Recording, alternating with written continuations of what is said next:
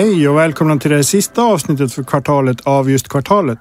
Och hej Niklas Höglund. Hej Sverrir. Du är analyschef på JLL fortfarande, hoppas ja, jag. Mm. Ja, ja, fortfarande. Även om du har varit med i kvartalet. Ja, precis. Du har ju blivit en bekant röst nu för, för våra lyssnare. Vad, hur känns det att ha varit med här första säsongen? Nej, det känns bra. Det känns bra att komma tillbaka lite grann i aktiemarknadsperspektivet. Mm. Eh, saknat det lite grann. Sen så är det klart att det blir lite pressat vissa, vissa dagar, men eh, det har det varit värt tycker jag. Mm. Sätta sig in i de här värdedrivarna. Det, det har varit svårt att hänga med nästan med tanke på liksom kursutvecklingar och annat. Ja, precis. Så det har varit riktigt bra att kunna liksom se verkligheten på det mm. viset.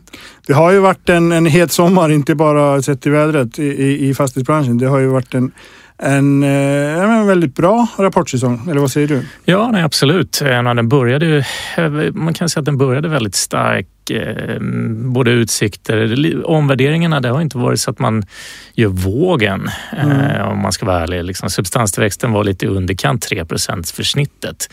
Eh, kursutvecklingen har varit lite högre än så men det, om, man, om man säger någonting så är det ju den här lite förbättrade aktivitetsnivån Eh, vaccinet, eh, konjunkturella liksom, återhämtningen eh, från blippen på kurvan. Lite som vi pratade om innan Eh, ja, liksom i tisen här. Mm. Det, det, har ju materialiserats och där låg ju aktiemarknaden på, liksom på efterkälken. Mm. Så det var ju en, en, en ordentlig catch-up, särskilt om man jämför med övriga liksom börsbolag där börsen kanske gick lite väl starkt initialt. Mm. Och nu fick vi en, en, en ordentlig catch-up för fastigheter.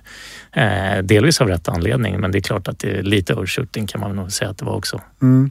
Det har ju varit, om man, om man tittar några år tillbaka, så har det ju liksom alltid varit lite, alltså det är svårt att säga när, när, när kurserna stiger 20 procent per år. Men, men alltså inför rapporterna så har det alltid varit lite avvaktande eh, på börsen. Men sen, sen och, och sådär vänta, och nu är det nu det liksom kommer brista här i, i, i branschen. Men sen när rapporterna kommer så blir det den här skjutsen. Är, är det liksom ett periodiskt mönster man kan skönja eller? Jag vet inte.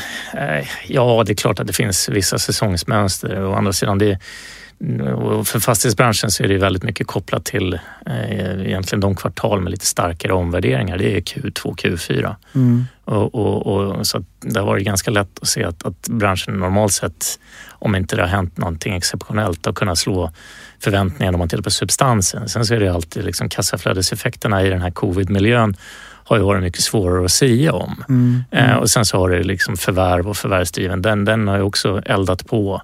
Eh, de här strukturaffärerna har ju definitivt gjort sitt.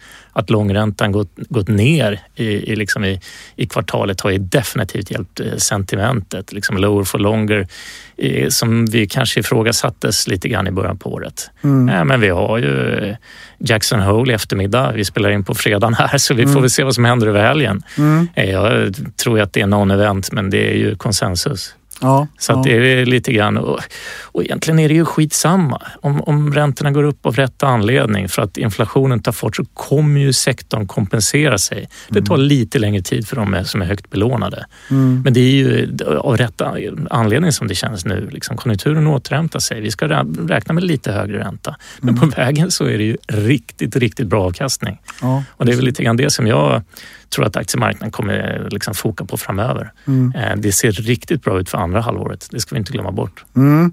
Det är verkligen, det ser ju, ser ju spännande ut och det är ju mycket, fortfarande mycket affärer igång och, och och, och gilderna kommer ju tryckas ner ytterligare någon, någon bråkdelsprocent om inte annat. Ja, nej, och det, det, det lättaste är ju att se jag menar, bostäder och logistiken. Eh, de heta segmenten och man ska inte glömma bort samhällsfastigheter. Där är det mer, lite mer binärt eh, när det kommer ut grejer. Mm. Eh, men det, det, det, ja, det kommer, det kommer att liksom ge stöd på, på uppsidan på fastighetsvärdena som det ser ut nu. Det är köbildning. Mm. Mikael Granat var inne på det i, i, i sitt avsnitt att om nu den här Akelius-affären kommer Okej, vi skiter i det.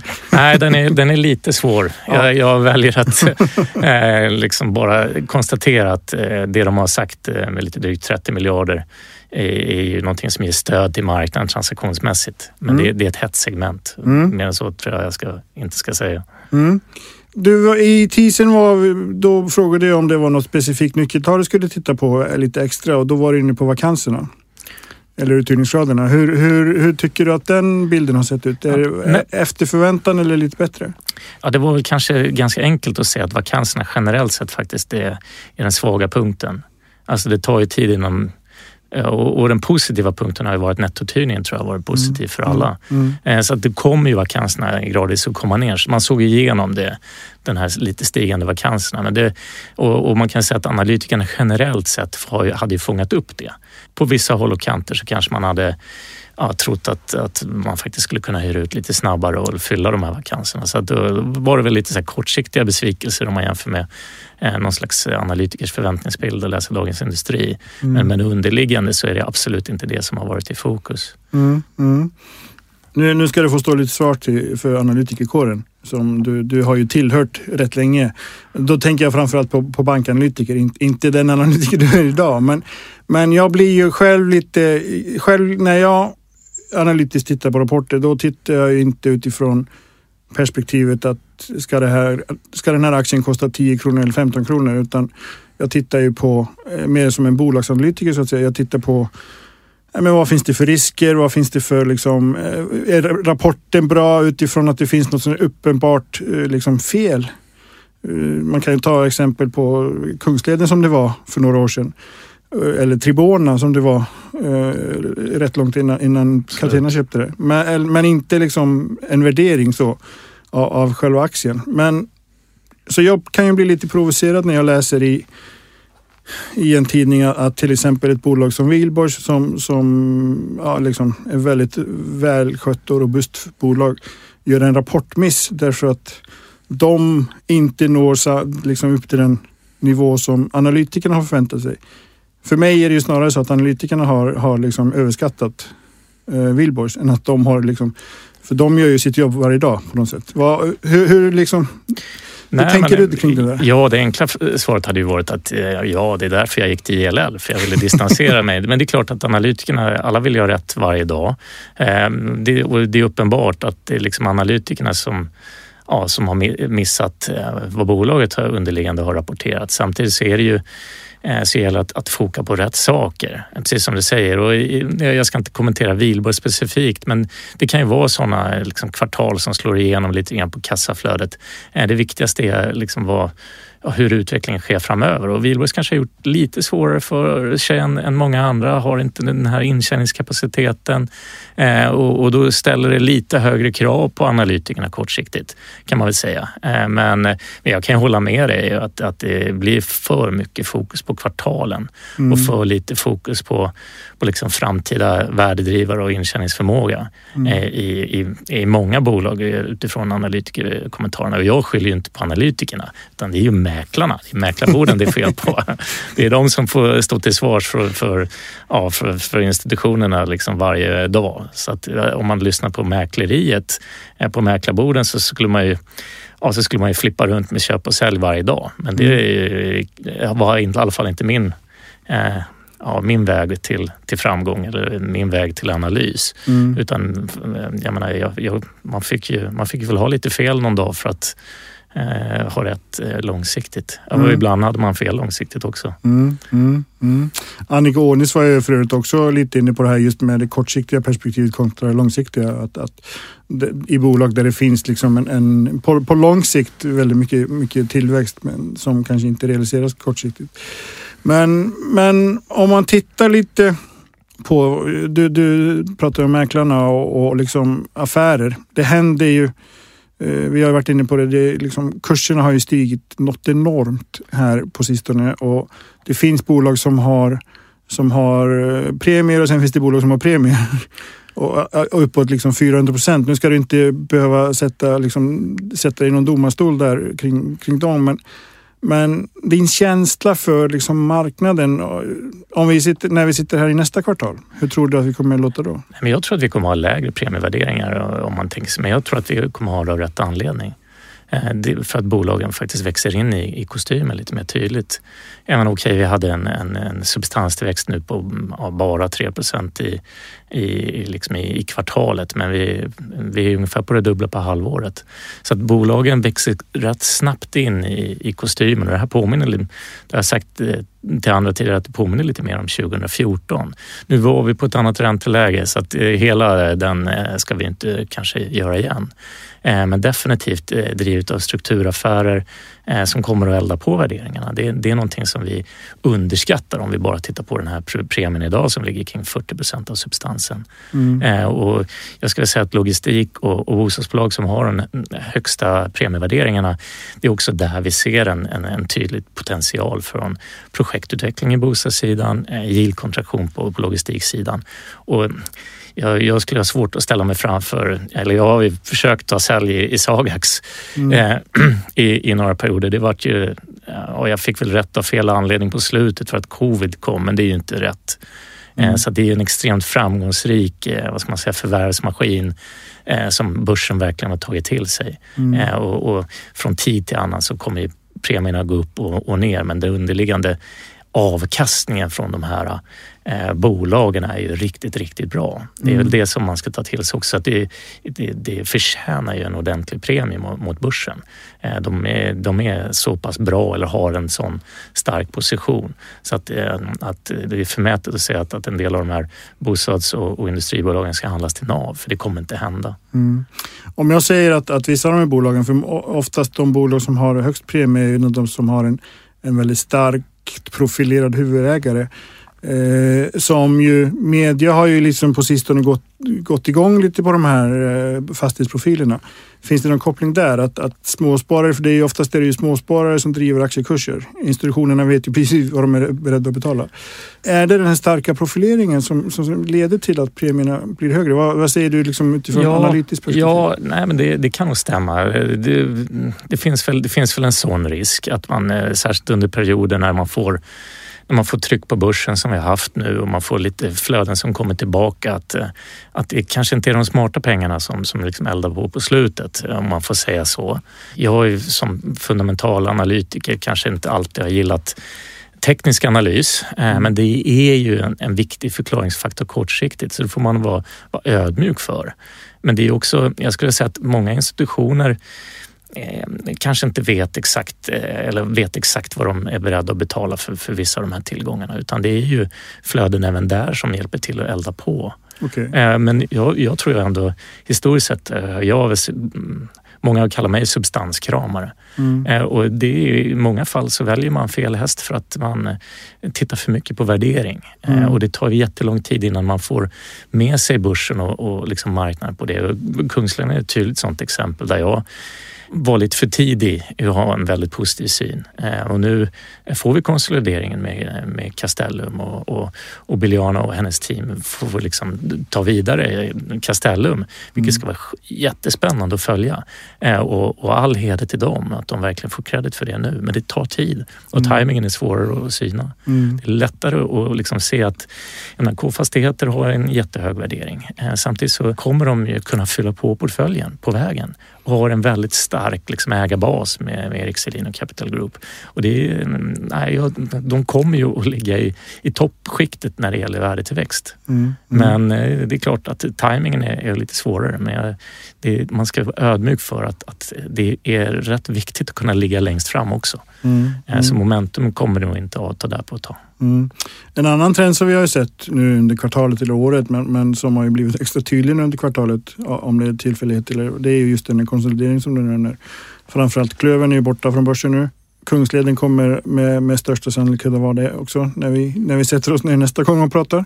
Tror du att det kommer bli ännu fler sådana här? Det här är ju extra profilerade affärer såklart, men kommer det bli fler sådana? Ja, jag kan bara prata min personliga syn mm, är att ja, det är, det är klart att med de värderingarna vi har. Eh, vissa på marknaden är lite pressade att göra affärer för att faktiskt motivera sitt värde.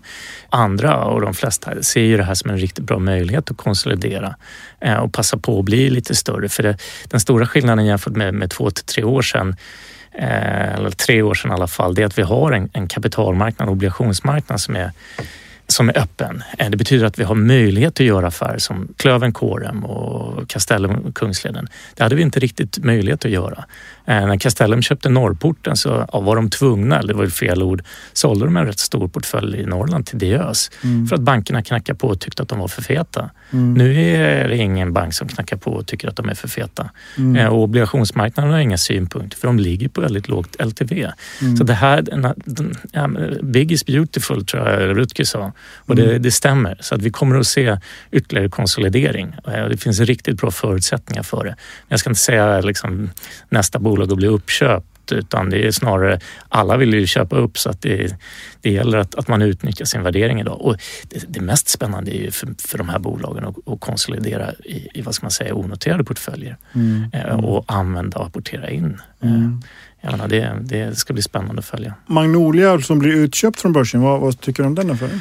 Ja, nej, det är lite tråkigt. Det är lite tråkigt. Jag, ja, där är det väl också lite grann... De har ju fått eh, eh inte hängt med eh, marknaden och inte alls fått, fått credit för sin starka exponering på ja, med de projekt som de har köpt in och de forward funding-förvärv som de har genomfört. Just för att ja, jag tolkar det till att redovisningsprincipen har gjort att det ser väldigt volatilt ut. Liksom att man vinstavräknar när man säljer punkt, liksom inte kopplat till den pågående liksom underliggande affären. Mm. Så det, det, var nog rätt att, att plocka ut Magnolien då eh, och eh, göra om Eh, och sen kanske komma tillbaka på, på ett eller annat sätt. Mm. Ehm, men eh, så det ska bli spännande att följa. Det är fortfarande ett väldigt stort bolag som är, har en framgångsrik eh, affär i att sälja hyresrätter och bygga upp en portfölj. Men jag ser inte riktigt någon sån... Jag menar, det påminner ju om starka huvudägare. Mm. har ju möjlighet att, att faktiskt utnyttja kapitalmarknaden för att eh, flytta fram positionen eller plocka fram värden. Mm. Det är bara Lundberg som kan köpa tillbaka huvudstaden tyvärr. Mm. Men, men kanske det kan komma lite mer sånt också. Men mm. just nu tror jag ingen är jättepressad. Mm. Ser du framför dig att, att nu, nu kanske det blir lite för mycket spekulation, men att, att Magnolia kommer tillbaka. De håller på att bygga en, en, en, en, ett, liksom en portfölj nu också. Att de kommer tillbaka som två bolag. Magnolia och bostad så att säga. Ja, jag kanske inte ska uttala mig. Jag har inga fingrar i syltburken där. Utan det är, det är ju, de har ju en, en, en del som, ja, som börsen skulle värdera väldigt attraktivt. Men jag tror att det är för tidigt. Mm, jag mm. tror att det kommer, det kommer minst ta ett par år till. Liksom det, vi får se när, när, när fonderna behöver pengar. Eh, lite grann så. Eh, jag tror inte att någon där är speciellt pressad om man tittar på direktmarknaden. Mm. Det, de, har, ja, de, de, har en kö på folk som vill köpa deras projekt. Mm. Det är dags att börja runda av Niklas, men, men är det någonting som har några höjdpunkter i kvartalet som du känner liksom att, och, och kanske lågpunkter också? Jag tycker liksom höjdpunkterna var nog ändå liksom att, att kontorsbolagen överraskade på uppsidan. Mm. Eh, de, de andra hade man nog förväntat sig skulle göra det, men kontorsbolagen med sin nettouthyrning eh, och, och liksom det visar att värderingarna i kontorsbolagen inte var för uppskruvade eh, och, och, att man liksom fick med sig dem i hyresomförhandlingar. Som man, man liksom, nej, de omförhandlingar man har gjort eh, ger en, ett bra tryck i lådan på värderingarna. Det kändes eh, komfortabelt och det tog aktiemarknaden till sig. Eh, och sen är det ju lite grann konsolideringen på vägen som ökar temperaturen. Det var inte kanske rapporterna i sig. Det är ju också någonting som jag tror... Vi läser ju in den här starka börsen som en, en positiv signal för direktmarknaden. Mm. Eh, så det, man köper och säljer fastigheter, mest köper eh, varje dag. Eh, och det är någonting som vi tror kommer att fortsätta elda på även direktmarknaden och, och, och yielder. Så det finns bra förutsättningar, även om värderingen kommer ner lite grann. Mm. för en, en, en, fortsatt väldigt stark resa in i andra halvåret. Mm. En höjdpunkt för mig har ju varit såklart förutom att få träffa alla människor igen, vilket är väldigt roligt, men just det här att jag har ju frågat i några av poddarna frågat liksom kring det här med, med belåningsgraderna. För de har ju, när jag kom in i branschen för ja, nio år sedan, snart tio, då, då låg ju belåningsgraderna på, på ja, 70-75. Ja. Eh, strax innan dess, när finanskrisen brast, så var det, eller briserade, då var det ju 85 till och med i vissa mm. fall. Sen har de ju sjunkit successivt. Nu är det ju nästan undantagstillfällen där det ligger över 50 eller i alla fall en bit mm. över 50. Och, och de flesta är väl överens om att, att vi går, går mot ännu lägre, alltså under 50. Det här har såklart med obligationsmarknaden att göra, mm. kreditbetygen, men också, för det har man alltid hört när man har pratat med utländska investerare om, om just svenska aktier, att det är för höga belåningar.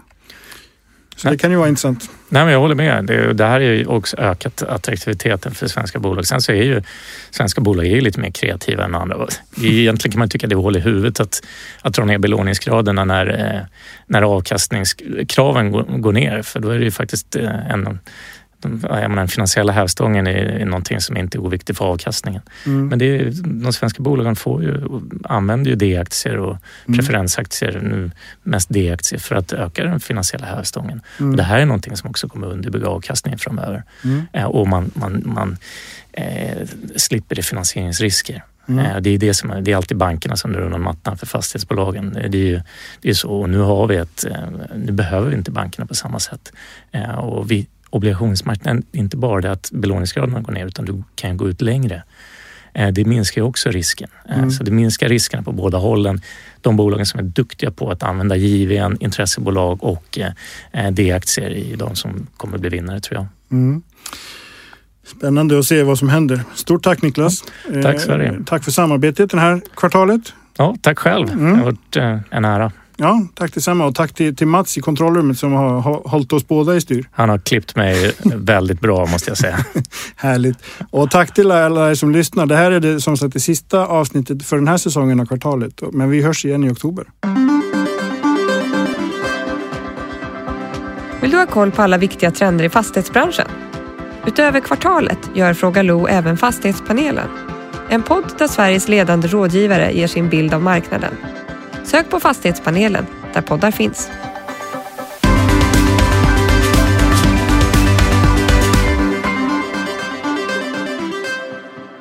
Det här programmet görs på Beppo. Beppo.